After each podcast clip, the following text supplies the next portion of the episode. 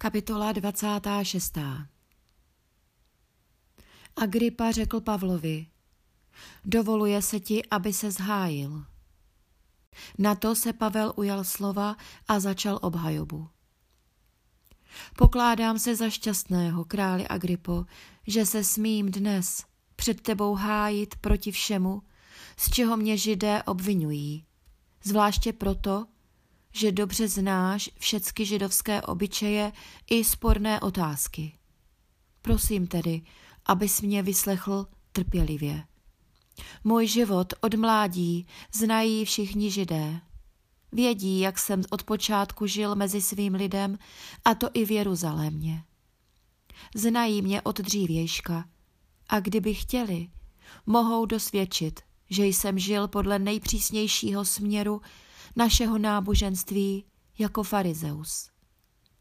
Nyní stojím před soudem, protože trvám na zaslíbení, které dal Bůh našim otcům. Dvanáct kmenů našeho národa doufá, že tohoto zaslíbení dosáhne a slouží horlivě Bohu dnem i nocí. Pro tuto naději jsem králi obžalován od židů. Což se vám zdá neuvěřitelné, že Bůh křísí mrtvé? Také já jsem se ovšem domníval, že musím všemožně bojovat proti jménu Ježíše Nazareckého. A to jsem v Jeruzalémě v skutku dělal.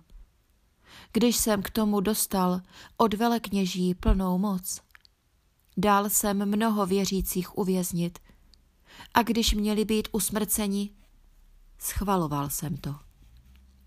Po všech synagogách jsem je často dával trestat a nutil je, aby se rouhali. Jako smyslu zbavený jsem se chystal pronásledovat je i v cizích městech. A tak jsem se vypravil s plnou mocí a pověřením velekněží do Damašku. Když jsem byl na cestě králi, spatřil jsem opolední světlo z nebe, jasnější než slunce. Jeho záře obklopila mne i ty, kdo šli se mnou. Všichni jsme padli na zem a já jsem uslyšel hlas, který ke mně mluvil hebrejsky. Saule, Saule, proč mě pronásleduješ? Marně se vzpínáš proti bodcům. Já jsem se zeptal, kdo jsi, pane? A pán řekl, já jsem Ježíš, kterého ty pronásleduješ ale zvedni se, povstaň. Neboť proto jsem se ti zjevil, abych tě učinil svým služebníkem a svědkem toho, co jsi spatřil a co ti ještě dám poznat. Budu tě chránit před izraelským národem i před pohany, k nímž tě posílám, abys otevřel jejich oči a oni se obrátili od tmy ke světlu od moci satanovi k Bohu a vírou ve mne dosáhli odpuštění hříchů a podílu mezi posvěcenými. A tak jsem se králi Agripo nemohl postavit proti nebeskému vidění.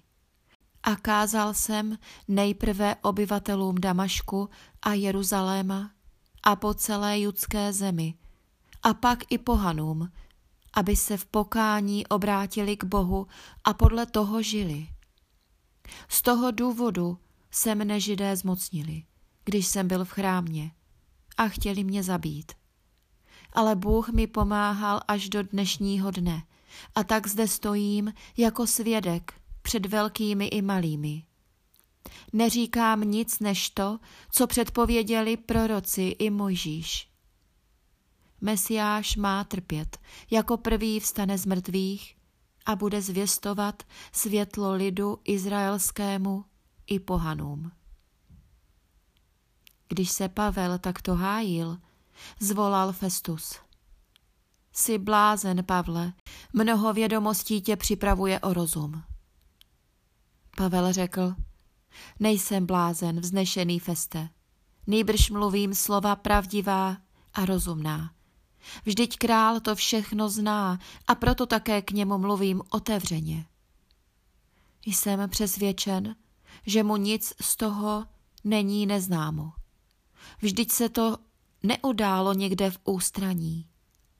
Věříš králi Agripo, prorokům? Vím, že věříš. Agripa odpověděl Pavlovi, málem bys mě přesvědčil, abych se stal křesťanem.